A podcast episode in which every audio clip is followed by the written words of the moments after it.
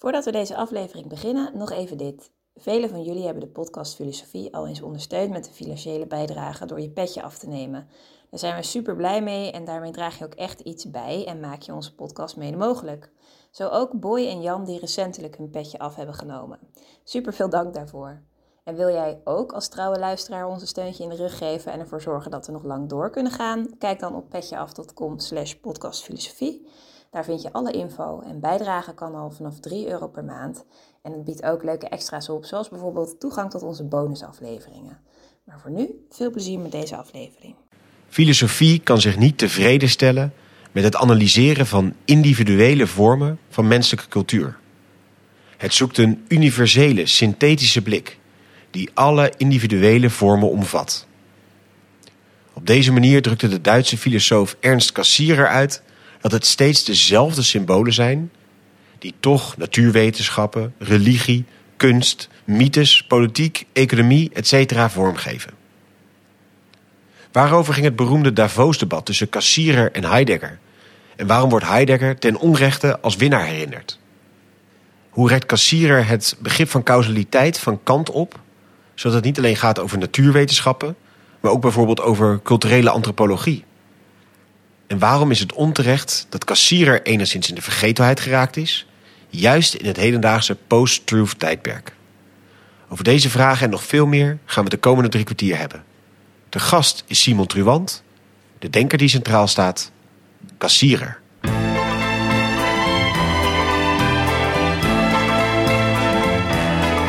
Vers les docks où le poids et l'ennui me courbent le dos. Dag, goed dat je weer luistert naar een nieuwe aflevering van de podcast Filosofie van het Santre Erasme School voor Filosofie.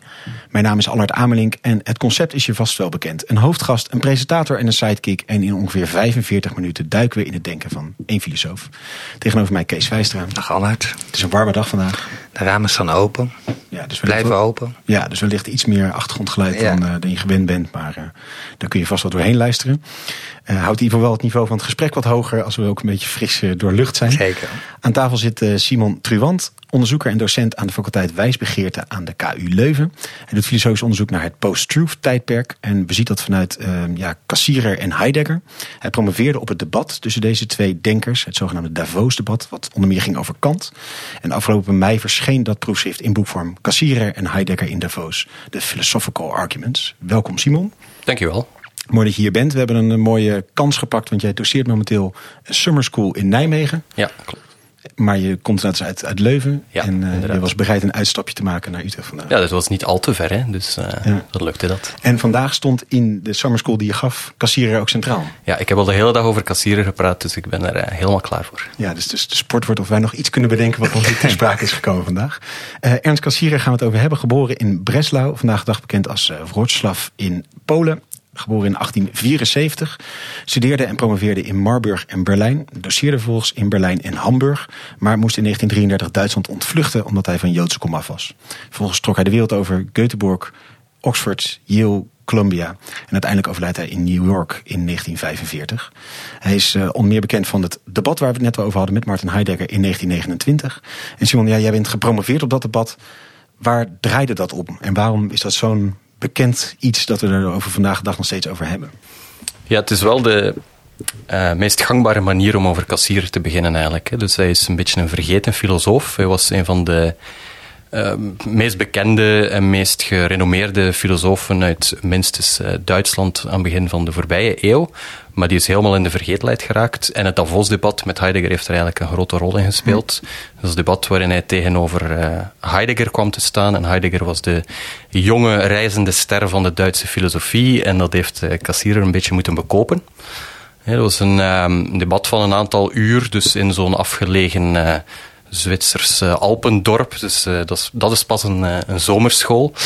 en er waren heel wat um, jongeren aanwezigen bij, die we eigenlijk ook nu al kennen. Hè. Levinas was daar als doctoraatstudent, Leon Bruchvik was daar, Rudolf Carnap was daar, Herbert Marcuse was daar. Um, En uh, tijdens een aantal weken hebben ze eerst elk een paar uh, afzonderlijke colleges gegeven. En dan kwam er dat, uh, dat debat. En dat was ook al helemaal van tevoren bedacht dat ze met elkaar zouden gaan debatteren? Ja, dat was de hele bedoeling. Hè. Dus dat werd naartoe geleefd, vermoed ik, door iedereen die daar aanwezig was. En dat heeft um, in zekere zin teleurgesteld voor de organisatoren. Want de bedoeling was om Duitse en Franse um, intellectuelen terug samen te brengen. Hm. Na de Eerste Wereldoorlog. Maar als je kijkt naar ja, hoe dat hele debat tussen Cassirer en Heidegger uiteindelijk is begrepen, is alsof het twee denkers waren die niets aan elkaar te vertellen hadden. Hè. Die naast elkaar praten, um, die eigenlijk niet in staat waren om een echt filosofisch debat te voeren met elkaar. En dan nog meer specifiek ja, leefde er heel hard de overtuiging bij, bij de aanwezigen dat eigenlijk Cassirer niet opkomt tegen, hmm. tegen Heidegger. En volgens de ooggetuigen was het, was het zo dat dat Heidegger ongelooflijk charismatisch was. Hè. Dus als die man sprak, dan uh, was dat overtuigend. Terwijl Cassirer veel saaier was, heel degelijke, uh, heel belezen man, maar wel veel saaier. Hè. Had Heidegger ook niet een skipak aan? Ja, dus hij is een keer, uh, minstens, één, ja, minstens één keer is hij op een van die lezingen opgedaagd in, uh, in skipak. Dus hij ging gaan skiën tussendoor en hij gaf ook niks om de academische etiketten. Ja. Uh, ja, dus, dus, daarmee ook echt een soort generatieclash net. Je zegt dat bij elkaar brengen van de Franse en Duitse lijn. Wie was wie? Het zijn twee Duitsers. Ja, dus um, ja, wat dat betreft was dat niet een, een Fransman die tegenover een Duitser werd geplaatst. Maar in het publiek had je ook dus wel uh, uh, ja, Levinas die uit Frankrijk ja. kwam. Um, dus uh, ja, het was, het was inderdaad een ander soort clash en het was inderdaad meer een generatieclash. Dus behalve de, de persoonlijkheid die anders was, was er ook een clash tussen ideeën. Kassierer is een, uh, een verlichtingsdenker hè, die wel gelooft, wel op een kritische manier, maar die sterk gelooft in de rationaliteit, in de vooruitgang, uh, in, uh, ja, in in civilization, dat soort idealen. Um, en, en, Heidegger is de, ja, degene die, die het existentialisme op de, op de kaart heeft gezet, dus die daar natuurlijk helemaal niet in geloofde. Um, en dat was veel meer in lijn met het zeitgeist, dus dat was veel, meer, veel aantrekkelijker voor, de, voor wie daar aanwezig was. En dat heeft ook wel bepaald dat ja, iedereen het gevoel had dat, dat Heidegger dat debat gewonnen had. En dat kassierer eigenlijk niet meer de moeite waard was om. Uh... Ja, die had daarna afgedaan. Zeg maar. ja. Vind je dat, dat kassierer. Eh, heeft hij wel een goed verhaal, zeg maar? Uh, waarschijnlijk is het antwoord wel ja, maar kun je zeggen. Het is wel echt een goed verhaal. En het is een negatieve framing die maakt dat hij zo. Ja, ik vind, ik vind het echt een goed verhaal. Um, ik vond het een aantal jaar geleden al echt een goed verhaal, omdat het echt wel een kritisch. Het is een kritische benadering van rationaliteit. Net zoals Kant, zijn grote voorbeeld, ook al kritisch nadenkt over wat rationaliteit is. Hè. Dat is um, en ook een kritische visie op vooruitgang. Um, en de laatste jaren vind ik het eigenlijk nog relevanter, omdat hij eigenlijk ook wel, denk ik, een aantal analyses gemaakt heeft over begin van de 20e eeuw, een tijd van intellectuele en politieke crisis, die we vandaag de dag in ons post-truth tijdperk eigenlijk opnieuw kunnen gebruiken. Hm. Ja. En, en waar, waar, denk je aan? Wel, dus hij heeft, zijn laatste werk was een analyse van de nazi-ideologie. Het werk over de, de myth of the state, over politieke mythen. En, en was hij op dat moment bekend met uh, de, de val van Heidegger, zeg maar? Was, was dat, denk je dat hij... Dat is in 1946 uh, dat dat gepubliceerd is, dus eigenlijk postuum net. Uh, dus hij was wel bekend met, uh, ja, met de richting waarin uh, Heidegger helemaal geëvolueerd was. En hij bekritiseert ook Heidegger in dat werk als iemand die door zijn fatalistische filosofie eigenlijk het klimaat geschapen heeft waarin dat, dat kon gebeuren. Ja, dus, um, en die benoemt hij met naam. Ja. ja. Net zoals Spengler. Ja.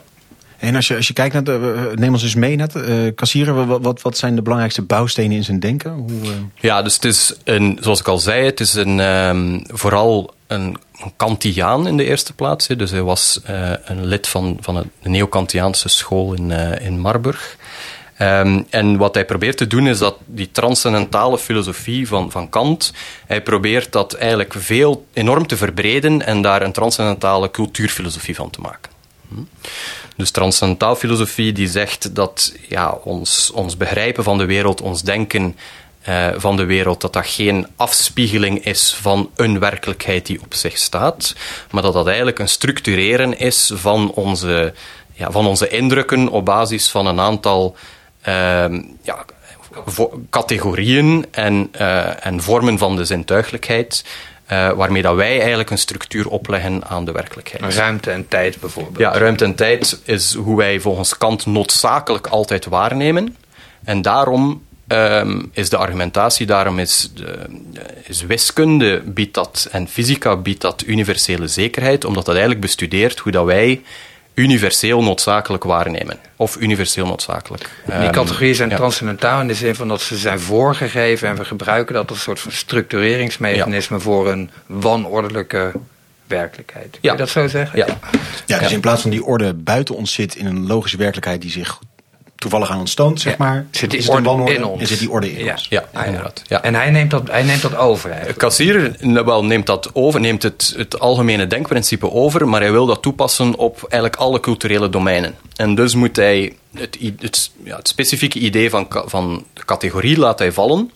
Bij Kant zijn er maar twaalf categorieën. Dat zijn de twaalf manieren waarop wij kunnen oordelen over de wereld. Kassierer ehm, heeft een nieuwe theorie over symbolen. En een aantal van die symbolen zijn hetzelfde: eh, tijd, ruimte, causaliteit zelf. Maar hij vertrekt niet vanuit een, eh, een vaste structuur. Dit zijn de enige symbolen die er zijn. Hij gaat eigenlijk doorheen heel de geschiedenis van, van een hele intellectuele geschiedenis. Hij gaat kijken naar allerlei linguïstisch onderzoek, naar antropologisch onderzoek, over mythologieën, naar kunsthistorisch onderzoek. En hij stelt vast, of dat is in elk geval zijn bevinding, dat eigenlijk in al die culturele domeinen dat die symbolen de constitutieve factor zijn. Dus bijvoorbeeld, zowel mythologisch denken als wetenschappelijk denken is gebaseerd op een vorm van causaliteit.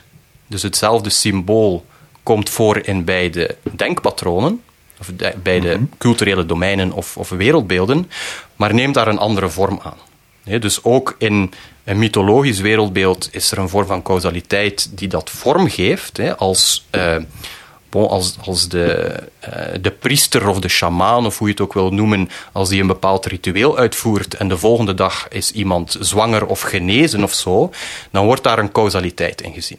Hm? Ook in veel mythologische verhalen zie je een vorm van causaliteit. Een bepaalde godheid doet iets en iets gebeurt. Dat is een vorm van causaliteit, dus dat is een redelijk principe dat wij installeren om, eh, om structuur en betekenis te geven aan de werkelijkheid. In een wetenschappelijk wereldbeeld gebruiken we uiteraard ook, causaliteit, maar dat neemt een heel andere vorm aan. Ja. Hè, daar moet dat universeel geldig zijn. Hè. Dezelfde oorzaak heeft altijd hetzelfde effect.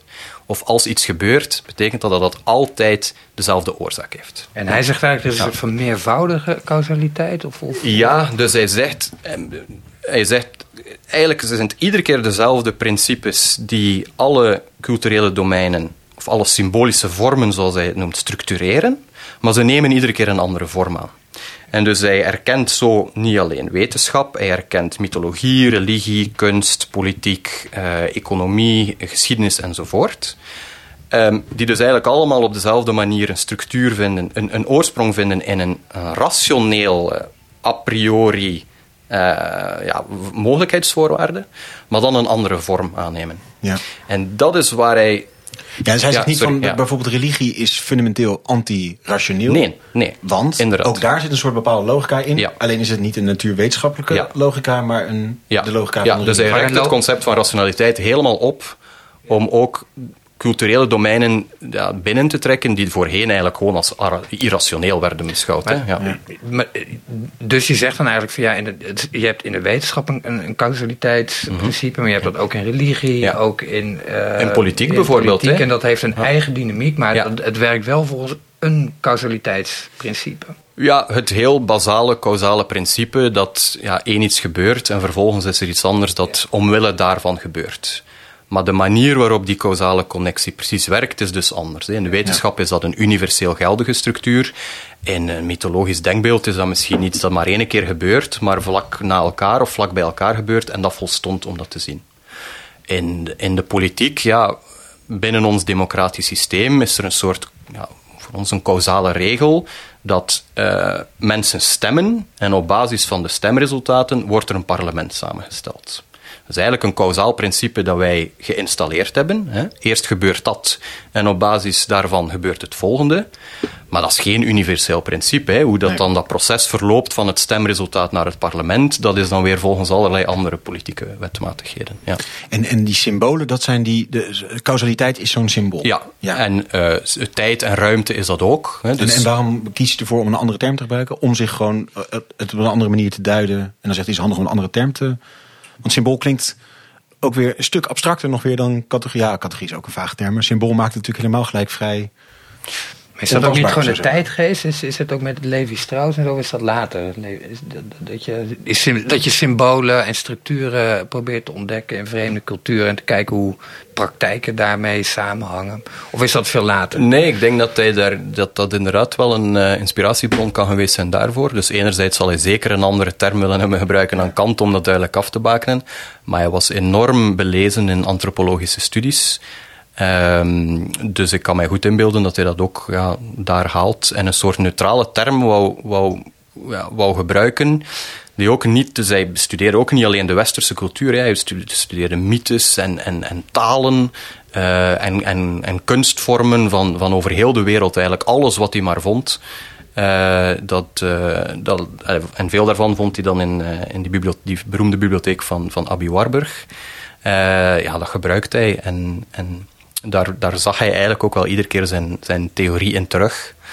Uh, misschien uh, las hij af en toe wel dingen uh, in heel niet-westerse denkbeelden die er niet waren, maar ehm, ik vind het een heel boeiende theorie, omdat ja, het probeert dus de, tegelijkertijd, en dat is, eigenlijk, dat is echt de cruciale gedachte, vind ik, hij probeert tegelijkertijd de eigenheid van elk ehm, symbolische vorm, dus elk cultureel denkkader te erkennen. Dus wetenschap is een andere vorm van denken. Wetenschappelijk denken is een andere vorm van denken dan mythologisch denken. Een andere vorm van denken dan politiek denken. Die hebben allemaal hun eigen rationaliteit, die gegrond is in het transcendentale of het symbolische subject. En tegelijkertijd, omdat ze diezelfde symbolen gebruiken, op een abstract niveau gezien, zijn ze toch ook verbonden met elkaar binnen één en dezelfde notie van cultuur. Dus hij, hij bestudeert voortdurend ja, specifieke symbolische vormen of culturele domeinen en hij, hij, onderzoekt, net zoals Kant deed, de, ja, de transcendentale voorwaarden daarvan, die hij vond in die symbolen. Maar als hij het heeft over wat de taak van de filosofie is, dan is het voortdurend dat het gaat om de eenheid van de cultuur te zien. En dat is een beetje. Uh, ja, ja, ja, nee, sorry. Nee, dat is een beetje ironisch, omdat je dat bijna niet terugvindt in zijn werk. Dus hij stelt dat voortdurend als dit is wat de filosofie moet doen. Maar als je het, als je het oppervlakkig, uit, zeg maar, ja, als je het oppervlakkig leest, dan denk je van nee, die man is iedere keer met iets anders bezig. Uh, maar ik, ik, dacht van, begrijp, bedoel, begrijp ik het dan goed dat, dat zeg maar al die verschijningsvormen zijn een soort van modi van éénzelfde principe of zo? Van één, dus in een cultuur heb je verschillende symbolen, verschillende plekken waarop een bepaalde rationaliteit uh, een rol speelt. En dat zijn allemaal uitingsvormen van één overkoepelend principe. Is, is, is, is, is het zoiets? Ja, dus er is een, een symbolisch bewustzijn, zegt hij. Um, wat als enige kenmerk heeft dat het in staat is om culturele betekenis voor te brengen. En dat doet het dus op basis van die beperkte set van symbolen, maar op heel diverse manieren uh, in die verschillende uh, culturele domeinen. En dat is het abstracte concept van wat voor hem menselijke cultuur is. En dan zou je kunnen zeggen, wel, de ene cultuur onderscheidt zich van de andere, omdat er bijvoorbeeld een andere hiërarchie is hm. tussen uh, wetenschap en religie. Ah, ja. ja. Ja, en precies. En dan zeggen ze, daar, daar krijgt het meer uiting die kant op. En daar iets minder die kant op. En dat maakt elke cultuur iets anders uit. Ja, en dat bevindt zich dus in de mens, die, die symbolen. De, de, en uh, herkent inderdaad goed. En zo vatten we even Kant in een halve uh, zin samen. Luister ook de podcast met Donald Loos daarover als je er meer over wil weten. Um, duidt hij inderdaad, uh, zegt hij meer wel ook over die, die onkenbare wereld erbuiten? Of houdt hij inderdaad ook daar op afstand? Nee, dat is hetzelfde. Dus daar valt eigenlijk niets over te zeggen. Um, het enige dat wij, het enige waar wij toegang toe hebben, is de cultuur die wij gecreëerd hebben. Ja. En hij zegt eigenlijk ook hetzelfde, niet alleen over het, traditionele idee van een objectieve wereld buiten ons, maar ook over het traditionele idee van een subject. Hij zegt, wij, zijn, wij kunnen niets weten over over een ziel die we zouden hebben of een substantie die we zouden zijn. Het enige dat wij kunnen weten over onszelf is op basis van de culturele betekenis die wij voortbrengen. Dus wat weten wij over onszelf? Wij zijn blijkbaar wezens die en een wetenschappelijke interesse hebben, en een politieke zingeving doen, en aan artistieke uh, uh, betekenisgeving doen, enzovoort. Ja. Uh, maar dus het dus ene, we drukken ja. ons uit op, op die verschillende manieren, maar, ja. maar een essentie daarachter, daar moet je niet naar. Nee, dus alleen onze uitdrukkingen zijn eigenlijk hetgeen dat we weten. En dan de stap die je als transcendentaal filosoof kan doen, is zoeken welke soort ja, denkprincipes, bewustzijnprincipes moeten wij hebben om in staat te zijn om, ja, om die culturele betekenis voor te brengen. Ja, en, en kun je dan toch uh, een bepaalde weging geven of zeggen van ja, die hier zijn meer symbolische uh, symbolen tot uiting gekomen in deze cultuur? Of is het dat elke cultuur altijd een volledige uitleving van de symbolen is, maar een andere samenstelling van de mix? Nee, dus er is, je, je kan uiteindelijk wel een soort. Um, dus hij, hij, hij, heeft het zeker over een progressie, hè, een, een, vooruitgang in uh, menselijke cultuur. En die vooruitgang bestaat eigenlijk uit het feit van een verdere pluralisering. Hmm. Dus het idee is dat helemaal in het begin van de menselijke cultuur dat er eigenlijk alleen maar mythologisch denken was. Ja. En daaruit is ook kunst ontstaan als iets apart. En is religie ontstaan als iets meer abstractere manier van, van dat soort zingeving, is dan later ook de wetenschap ontstaan. Maar wat hij heel hard wil, is dat we niet belanden in een, samen, in een cultuur waarin dat dan eigenlijk alleen nog maar de wetenschap van tel zou zijn en, en mythologisch of artistiek denken eigenlijk um, ja, onder de mat wordt geveegd. Dus hij wil echt die pluraliteit en die veelheid um, daarvan uh, voortdurend benadrukken. Ja. Maar ergens gek genoeg zou ik dat is dat ook wel een beetje het programma van Heidegger om te zeggen van die wetenschappelijke kennis moet niet hmm. dominerend zijn, niet dominant zijn. Dat is een soort ja. van afgeleide kennis. En, en dit lijkt dan weer ergens op een manier in, in elkaars leng, verlengde toch te liggen. Maar goed. Ja, uh, tot op dat punt wel. Uh, maar hij vindt wel, Kassierer vindt tegelijkertijd, en dat is een soort spanning in zijn werk, hij vindt wel wetenschap de meest, uh, hoe zegt hij dat, de, de hoogste uitdrukking van menselijke cultuur. En hij bedoelt daarmee uiteraard niet dat wetenschap beter in staat is dan de andere culturele domeinen om de werkelijkheid weer te geven. Dat kan niet binnen transcendentaal filosofie. Maar de wetenschap is volgens hem um, het best in staat om te beseffen dat het een symbolische vorm is.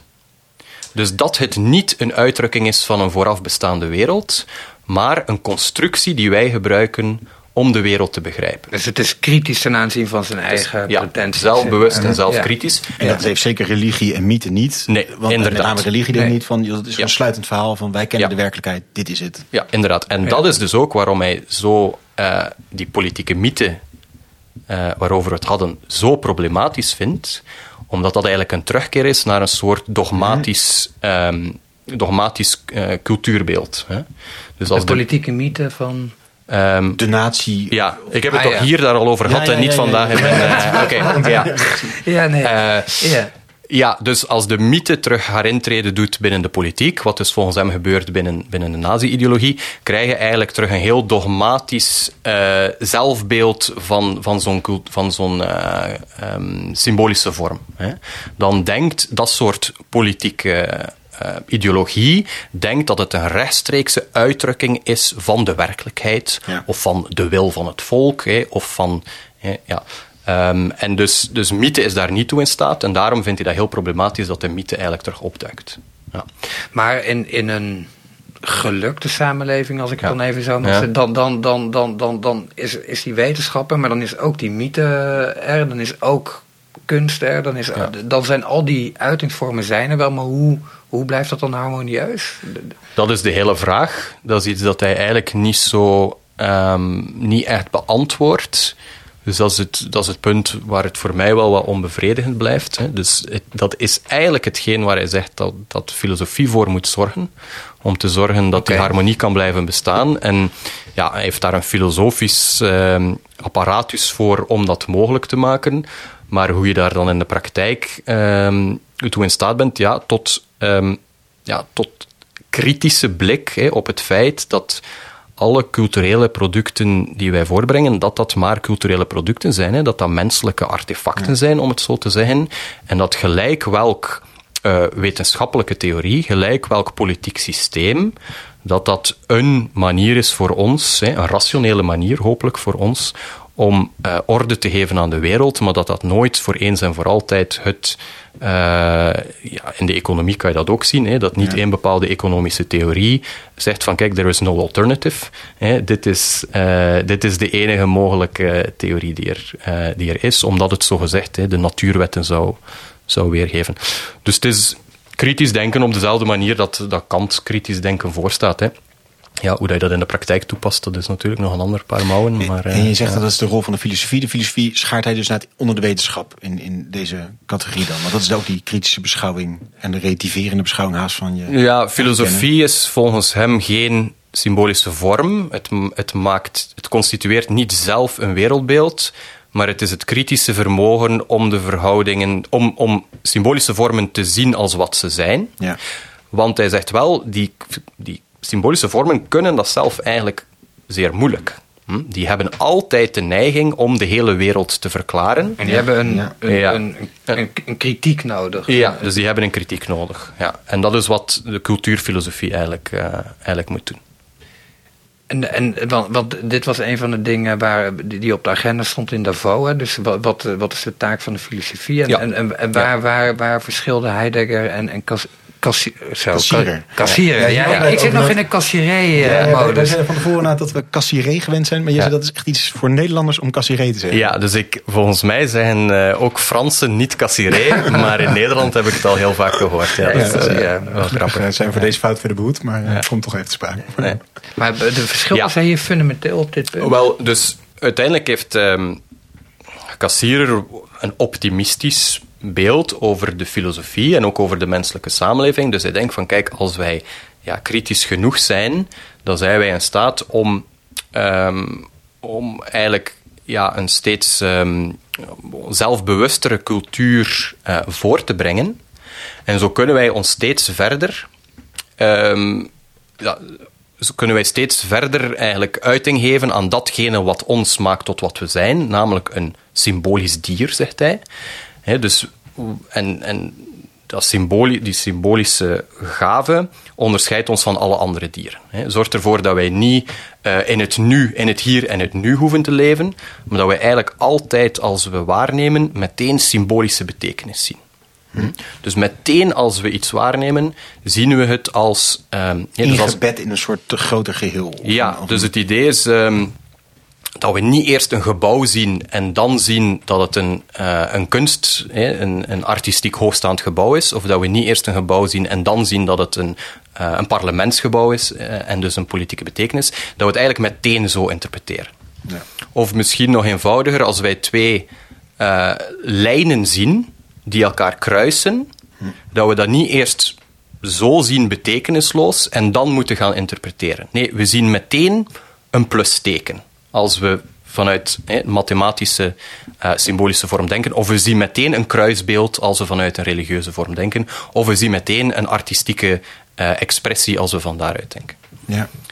Ehm, Nee, nee, nee, je- je- maar ja, sorry. Ja, nee, dus, ehm, dus er is dat idee van, van progressie. Hè, dat als wij kritisch genoeg zijn, dat wij eigenlijk hè, dat wij inzicht krijgen in, eh, in die gave om onze, onze natuur te overstijgen en om steeds meer en rijkere cultuur voor te brengen.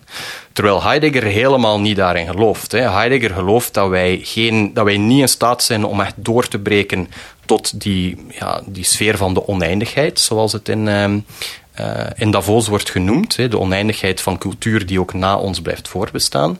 Maar dat wij fundamenteel eindige wezens zijn.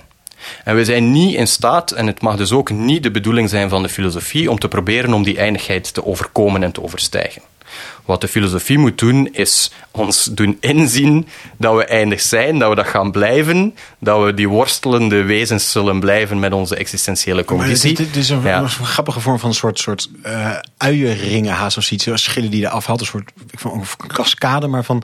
eh, die, eigenlijk is natuurlijk al wat Cassirer al zegt, al een, een vorm van relativering van wat we kunnen kennen over het absolute. Ja. En eigenlijk zegt dus Heidegger nog een stap verder uitgekleed. Je kunt en niet iets over het abstracte ver weg eh, onkenbare zeggen. je kunt ook niet iets over die categorie in jezelf toch nog iets relevant zeggen. Dus eigenlijk is het een soort. Hij maakt twee stappen terwijl kassierer één stap maakt. Ja, zo zou je het kunnen zeggen. Hè. Dus hij is in zekere zin. ehm ja, kassier heeft een duidelijke ambitie. Ja. En die ontbreekt, zou je kunnen... Als je het negatief formuleert, dan zeg je ja, die ontbreekt bij, bij Heidegger. Hè. De enige ambitie is er om eh, ja, tot, eh, hoe zeg je dat, coming to terms with, hè, om, om, om te leren gaan, om ons te berusten in onze eindigheid, hè, in, onze, eh, bon, in onze existentiële conditie. Ja. Ja, ja precies. Hey, om die eh, veelkleurigheid nog eh, wat e- even mee te pakken. Eh, causaliteit denk ik dat een hele logische is die we gezien hebben. En ik ben even benieuwd naar kunst. Kun je nog zo'n andere symbool noemen hoe die in bepaalde werelden doorwerkt? Ik denk dat die causaliteit een hele helder is, maar het gaat ja, om dus meer, zeg je? bij ehm, ruimte bijvoorbeeld ook. Hè? Dus ehm, er zijn bepaalde. Ja, er is het een, een wetenschappelijk concept van ruimte. Hè? Dat is ons universum, of dat is een bepaalde. Eh, een bepaalde abstract concept van ruimte waarin atomen zich bewegen of zo. Hè? Dat is een bepaald concept van ruimte. Er is ook een politiek concept van ruimte. Hè? Er zijn ja, wat wij een land noemen, is een bepaalde geografische afgebakende ruimte op basis van eh, politieke overeenkomsten. Ja. Of wat wij een, of een parlement is een, een ruimte met een politieke betekenis. Het fysieke parlement of de, het Nee, het, eh, het, wel, ja, er moet een fysiek parlement zijn. Hè? Dus er moet een fysieke component zijn. Alleen maar in dat gebouw mogen er eigenlijk eh, wetten goedgekeurd worden. Hè? Of mag er daarover op die manier gediscussieerd worden. En als er daar een consensus is bereikt, dan geldt die voor ja, de hele De politieke ruimte waar sfeer. die- ja, Ja. ook weer ruimte, Ja. namelijk Ja. landsgrenzen. Ja, maar dus buiten dat parlement kan je niet hetzelfde doen als daarbinnen. Ja. Net zoals een rechtbank. Hè, wat beslist wordt in een rechtbank, heeft een bepaalde symbolische waarde op basis van de plaats waar het gebeurt, die daarbuiten niet kan. Ja. Ehm, ja, een mythologische ruimte kan ook hè, een bepaalde heilige plaats zijn en dan niet-heilige plaatsen. Dus je hebt dat overal. Hè. En, ja. En kunst, dan bijvoorbeeld die causaliteit bij kunst vind ik dan weer eh, zoekende. En lijkt me misschien ook het meest, een van de meest Ja. expressieve kanten, zeg maar. Hoe, hoe- Ehm, een, wel een artiest. Ja, dus een museum is natuurlijk ook bijvoorbeeld een artistieke ruimte. Hè. Vanaf als het hangt in een museum, dan heeft het een bepaalde artistieke waarde, bijvoorbeeld. Ehm, maar er is ook. ehm, ja, kunst speelt natuurlijk ook met ruimte, hè, door, door, door de, de limieten van de ruimte waarmee het speelt. die Escher... Dus- eh. Ja, dat ook. Ja, zeker. Ja. Ehm, goed, ik weet nu niet, ik heb hier geen meteen een voorbeeld over, eh, maar een, ja, een schilderij is een afgebakend eh, ruimte. Bon, dat kan kleiner en groter zijn, maar als schilder ben je beperkt tot die ruimte en doe je daar iets op. ja. Huh? Maar, maar wat is daar dan mee gezegd? Dus dat dat concept ruimte in verschillende contexten Een heel andere betekenis een heel andere heeft. betekenis heeft. En, en, en wat, wat heb je dan ge- aange, wat heeft hij dan aangeduid daarmee als, als hij dat zegt? Wat, wat, Wat zeg je dan? Wat heb je dan laten zien, zeg maar? Ehm, net zoals Kant, dat we eigenlijk altijd ehm, in ruimtelijke termen denken. Hè, dat we altijd de wereld op een of andere ruimtelijke manier interpreteren. Maar dat die interpretatie dan nog kan afhangen van in welk culturele domein je op dat moment begeeft. Hm? Ehm, dus tegelijkertijd toont hij aan van kijk, wij kunnen niet anders dan op een ruimtelijke manier de wereld begrijpen. Maar ehm, het toont tegelijkertijd aan dat, eh, ja, dat eh, wetenschappelijk denken dat dat fundamenteel anders is dan, dan religieus denken of, of, eh, of politiek denken eh, of historisch denken, omdat het over een andere... eh, omdat het meteen een andere vorm van, van of causaliteit eh, Ja, en die tweede denk ik heel, heel duidelijk. Nou, Die eerste je zou ik mooi net van de ambitie van, van kassieren. Wat, wat bouwt hij hiermee of zo? Van waar verzet hij zich tegen? Of welke ambitie toont hij nou hiermee? Wat bouwt hij? Ehm, Of hij? Kan ook zo. Ja. Wel, wat hij, wat hij redt is, ehm, ik denk, de notie van de rationaliteit door ze op te trekken, hè, door ze open te trekken. Ja. Door, ehm, er, op dat moment hè, is er een opkomst van nieuwe wetenschappen, etnografie, ehm, eh, bijvoorbeeld, hè, of, of antropologie, die zich ook echt aan het ontwikkelen is en die eigenlijk toont van ja, hier zijn ook echt uh, duidelijke denkpatronen en structuren uh, aan het werk. Hè. Het is niet zomaar die mensen ja, Doe niet meer die deden Nee. niet zomaar iets. Hè. Uh, dus hij, wat hij doet is eigenlijk net zoals Kant probeerde op een filosofische manier de, de, de, de moderne mathematica en fysica te begronden en dus te legitimeren, doet, doet dit eigenlijk ook met, ja, met, met een heleboel andere culturele domeinen.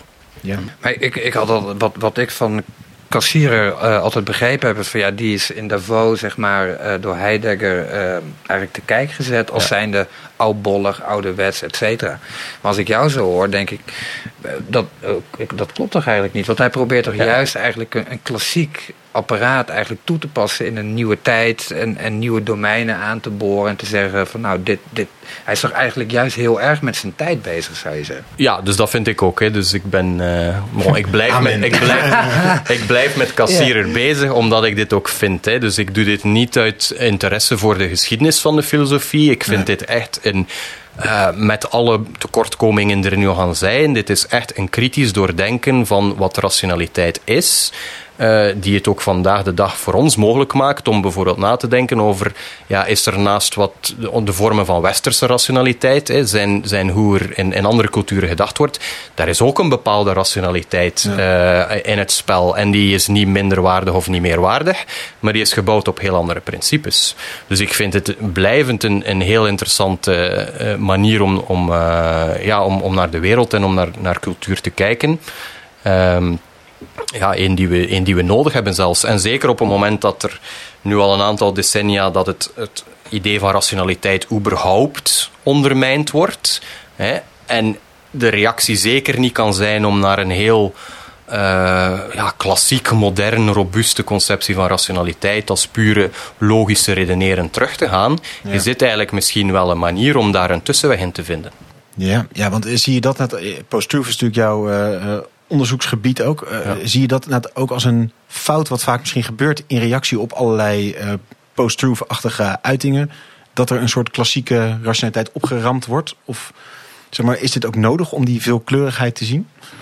Um, ja, ik denk dat dat de, in, in elk geval in het begin en ook vanuit heel wat filosofen eigenlijk de, de, de bijna de intuïtieve reactie was om, uh, om te reageren op dat hele idee ja, dus post-truth is het feit dat eigenlijk het, het onderscheid tussen waarheid en, en, en valsheid, dat dat eigenlijk ondergraven wordt. Hè? Dat we eigenlijk niet meer weten hoe we zouden kunnen uh, weten of iets waar is of niet. Hè? Dat dat onderscheid er niet meer toe doet. En de reactie was om eigenlijk vaak terug te keren naar een heel robuust, modern concept van waarheid. En waarheid was dan gewoon feitelijkheid. Ja. Terwijl ten eerste uh, ja, weten we helemaal niet zo goed wat feitelijkheid is, hè? ook uh, filosofisch gezien. Maar ten tweede denk ik dat er daarnaast andere uh, noties van waarheid is, van waarheid zijn, hè, niet puur uh, die logisch-rationele, uh, die evenzeer vorm geven en betekenis geven aan onze, aan onze werkelijkheid. Ja. ja. Grappig, ja. Ja, en de haast is een beetje net, je zegt, uh, had de kassierer afgedaan. Het is bijna alsof net de pendule doorgeslagen is. Ja, ja. ja. Het afbraakproces zo ver doorgezet is dat op een gegeven moment hij eigenlijk nu weer ja. Maar, maar, enige maar, grond, grond uh, onder, de, onder de voeten geeft. Ja, nee, maar, maar, maar, maar gaat hij zo ver dat je, dat, dat je als het ware kunt zeggen van... nou ja, ik heb mijn symbolisch uh, domein, zeg maar... en ik heb daar een eigen notie van wat waarheid is... en dat is, ik heb de zegen van kassierer, want ja, ik, dit is gewoon mijn manier om... Mijn palet van samenstelling Ja, van, maar, van dat, maar dat, en, dat is ja. toch niet wat hij... Nee, nee, dus dat is het ook niet. Hè? Ja. Dus daarom is hij een mooie tussenweg. Um, omdat al zijn, zijn ideeën van, van ja, dus je kan spreken over wetenschappelijke objectiviteit, uh, politieke objectiviteit, een soort religieuze objectiviteit of politieke waarheid, wetenschappelijke waarheid enzovoort. Maar dat is wel iedere keer een waarheid die ja, ondersteund wordt door een heel cultureel domein. Ja. He, dus dat is geen individuele persoonlijke waarheid, dat is altijd bij kassierer ja, intersubjectief gedeelde waarheid. Omdat natuurlijk die waarheid gegrond is in ja, een structuur van ons denken en niet een structuur van ons denken ja, die, ja, waarbij ik kan beslissen wat het is en waarbij iemand anders iets anders kan beslissen. Nee, ja, precies. Um, en um, Ja, dus daar verschilt hij natuurlijk ook heel erg met Heidegger, die wel veel meer ja, vanuit de individuele uh, geleefde ervaring vertrekt en, en, uh, en, en meer het pad opent om te filosoferen. Ook zeer interessant ja, over persoonlijk beleefde waarheden. Hè. Maar dat is absoluut niet wat, wat Cassirer doet. Hè. Uh, je zei iets over het, oh, het belang van progressie en dat een, een, terugval naar politieke mythe dus een, een terugval inderdaad is. Is die in andere opzichten ook wel pre prescriptief van dit is beter of dit is minder, zeg maar? Uit hij het in die verschillende domeinen, vertaalt hij het ook door? Uh, dat is eigenlijk, denk ik, het enige moment waarop hij echt zo'n waardeoordeel uitspreekt. Ja. Um, dus ook, het is ook maar op het einde van zijn leven, in die laatste werken, uh, dat hij over zijn hedendaagse cultuur gaat gaan, uh, gaan oordelen. En daarvoor ja, merk je wel dat hij vindt dat, dat mythologie dat dat nodig was om, uh, mythisch denken, dat dat nodig was om de menselijke cultuur eigenlijk een beetje op gang te, ja, te, te duwen. Maar dat dat wel ja, voorbijgestreefd was en dat dat niet hoefde terugkeren. Dus daar zit ook een waardeoordeel in, al in die filosofie. Ja. Maar het is pas echt in zijn late werken dat hij, dat hij ja, politiek bewuster lijkt te worden en dat er zo'n waardeoordeel uh, komt. Ja, ja, ja precies. Hey, dankjewel Simon. Voor mij een ontzettend interessant verhaal. Uh, actualiteit uh, uh, hoeven we niet over te discussiëren inderdaad. Um, kassierer hebben we het gehad. Niet kassieré inderdaad, dus bij deze dat al een belangrijke les. Bekend van het debat. Maar een beetje ja, door het debat met Heidegger een, een vergeten filosoof worden. Omdat het in de beeldvorming was dat Heidegger de rising star was in zijn skipak. Um, ja, en eigenlijk een beetje kassierer bij het grofvel zetten als een, als een artefact uit een andere tijd. Um, terwijl zijn relevantie wel heel groot is en hij, hij is een heel goed project eigenlijk neerzet. Hij is een echte verlichtingsdenker, gelooft in rationaliteit, in vooruitgang, in beschaving. Um, en um, ja, gaat het alleen wel op een kritische manier te lijf. Dus het is niet een soort uh, plat modernistisch verhaal. Nee, het is wel echt een kritische reflectie op rationaliteit, op beschaving, et cetera. En waarom is hij zo relevant vandaag de dag? Ja, omdat hij heel goed schreef in een tijd van politieke crisis. In een tijd waarin er uh, een hoop onderspanning stond. En eigenlijk lijkt heel veel van zijn denken daar wel deels een antwoord op te zijn. Echt een Kantiaan is die, uh, de transcendentale filosofie. Uh, er is niet een abstracte werkelijkheid die wij kunnen kennen. En die zich slechts uit in deze werkelijkheid. Nee, er is een onkenbare vage werkelijkheid die wij niet kunnen kennen. Maar in ons zitten categorieën, zoals bijvoorbeeld ruimte en tijd, die wij hebben om de werkelijkheid te structureren. Bij Kant zijn het inderdaad die categorieën. Um, bij uh, Cassirer worden dat de symbolen. En die symbolen zitten dus in ons, zitten niet in een werkelijkheid buiten ons die wij kunnen leren kennen. Nee, die symbolen zitten in ons. Wat zijn dan van die symbolen? Nou, hij neemt bijvoorbeeld een deel over van Kant, causaliteit, ruimte, tijd. Maar hij voegt daar eigenlijk allerlei nieuwe domeinen aan toe. Uh, de linguïstiek voegt hij toe, uh, cultuurhistorische elementen, antropologische elementen, de kunst. En uh, zo trekt hij eigenlijk de domeinen waarin hij zich begeeft veel verder op. Het zijn allerlei culturele domeinen die een uiting geven aan die symbolen. Uh, neem bijvoorbeeld religie en mythe. Dat is een uitingsvorm van uh, de symbolen. Maar ook de natuurwetenschap is een vorm. Kunst, geschiedenis, economie. Zo lang ingaan op het voorbeeld van de causaliteit. Natuurwetenschap, daar kennen we natuurlijk causaliteit van. Het idee dat je een knikker naar beneden gooit en dat die elke keer met dezelfde snelheid valt. De universaliteit van die wet is dan belangrijk binnen natuurwetenschap. Maar ook binnen religie is er een vorm van causaliteit. Er wordt gebeden door een priester en er vindt een wonder plaats. Dat hoeft niet elke keer plaats te vinden. Maar de causaliteit bestaat ook binnen de religie als het een keer gebeurt. Dus ook daar zit toch een soort oorzaak-gevolg element in. Uh, dat zit ook in de economie, zit ook in de politiek. Uh, Simon noemde het goede voorbeeld van verkiezingen. Op het moment dat we allemaal gaan stemmen en dat er een uitslag komt, dan komt er een nieuw parlement. Ook daar zit een soort causaliteit in de politiek, in de politieke orde. Wat doet uh, dus? Hij bestudeert uh, talen, de kunst, uh, mythes. En niet alleen vanuit westerse cultuur, maar over de hele wereld. En wat ziet hij? Hij ziet enerzijds de eigenheid van elk cultureel denkkader. Dus de wetenschap is fundamenteel anders dan de religie. En hij ziet een sterke verbondenheid en eenheid van die cultuur.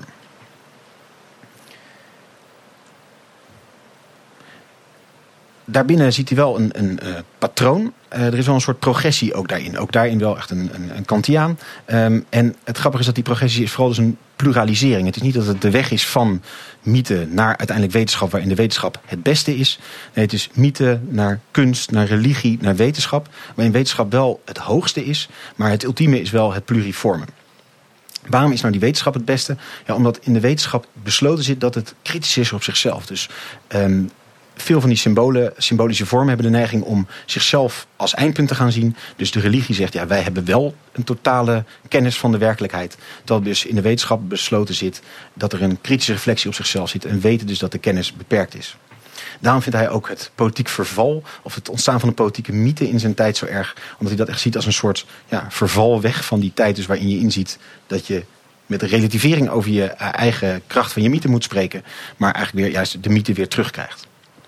Dat is dus die veelheid. Hoe ziet dan die harmonie eruit? Ja, zegt Simon wel, dat is minder goed uitgewerkt in zijn denken. Uh, het idee is wel dat de filosofie dat moet doen. Maar vervolgens gaat Kassier wel uh, heel veel verschillende kanten op. Uh, maar belangrijk dus inderdaad de filosofie laat inzien dat we maar menselijke artefacten zijn. Um, en dat het behulpzame categorieën zijn die we kunnen kennen, symbolische vormen. Maar dat die dus allemaal niet in steen gebeiteld zijn. Allemaal dus ja, slechts symbolische vormen zijn in die zin.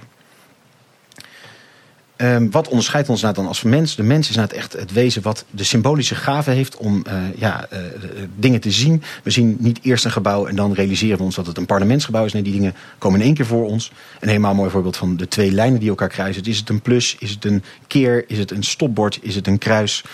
Is het een kunstwerk? Wij geven betekenis aan die dingen die ons tot ons komen en dat maakt ons tot mens. En daarmee heeft uh, Kassirer wel echt een project, een ambitie. En dat onderscheidt hem dan, als we naar het Davos-debat kijken van Heidegger, die veel meer probeert ja, de mens een plek in deze wereld te geven. En Kassirer probeert wel echt de rationaliteit te redden eigenlijk. En doet dat dus op een nieuwe manier, waar Kant dat probeerde eigenlijk het funderen van de wiskunde en de natuurwetenschappen. Zo probeert Kassirer ja, een veel breder domein nog te, te, te redden eigenlijk in de rationaliteit. Uh, de antropologie, uh, mythes uit verschillende culturen. Om daar dus in te zien dat daar ook telkens diezelfde symbolen aan het werk zijn. Daarom is hij dus ook zo actueel. Omdat we in een post-truth tijdperk niet naar de totale relativering moeten gaan. Maar ook niet naar het klassieke tegenverhaal rammen van ja, waarheid is feitelijkheid. Nee, er zijn verschillende noties van de werkelijkheid. Er zijn verschillende noties van waarheid. En toch kun je ook zeggen dat er wel een bepaalde waarheidsvormen zijn die in een bepaalde cultuur vorm krijgen. Die zijn niet louter individueel, die zijn intersubjectief in een cultuur. En uh, ja, dus daarmee redt Kassier iets van de rationaliteit. En waar hij afgedaan heeft, lijkt het een beetje in Davos. Moet hij juist misschien eens eigenlijk uh, weer her tot leven gewerkt worden in deze tijd. Omdat hij uh, belangrijker is dan, uh, dan misschien wel eerder ooit tevoren. Hartelijk dank Simon voor een heel duidelijk verhaal. Dank je wel dat je een hele dag ook voor ons je eerst verdiept hebt in Kassier. om ons als climax met ons te spreken. Zeker, zeker. Dankjewel Kees. En vooral jullie natuurlijk altijd weer heel hartelijk dank voor het luisteren. deel deze aflevering vooral met mensen die dat interessant zouden vinden. Geef ons ook een positieve beoordeling als je dat uh, wil geven. En uh, heel graag weer tot een volgende aflevering.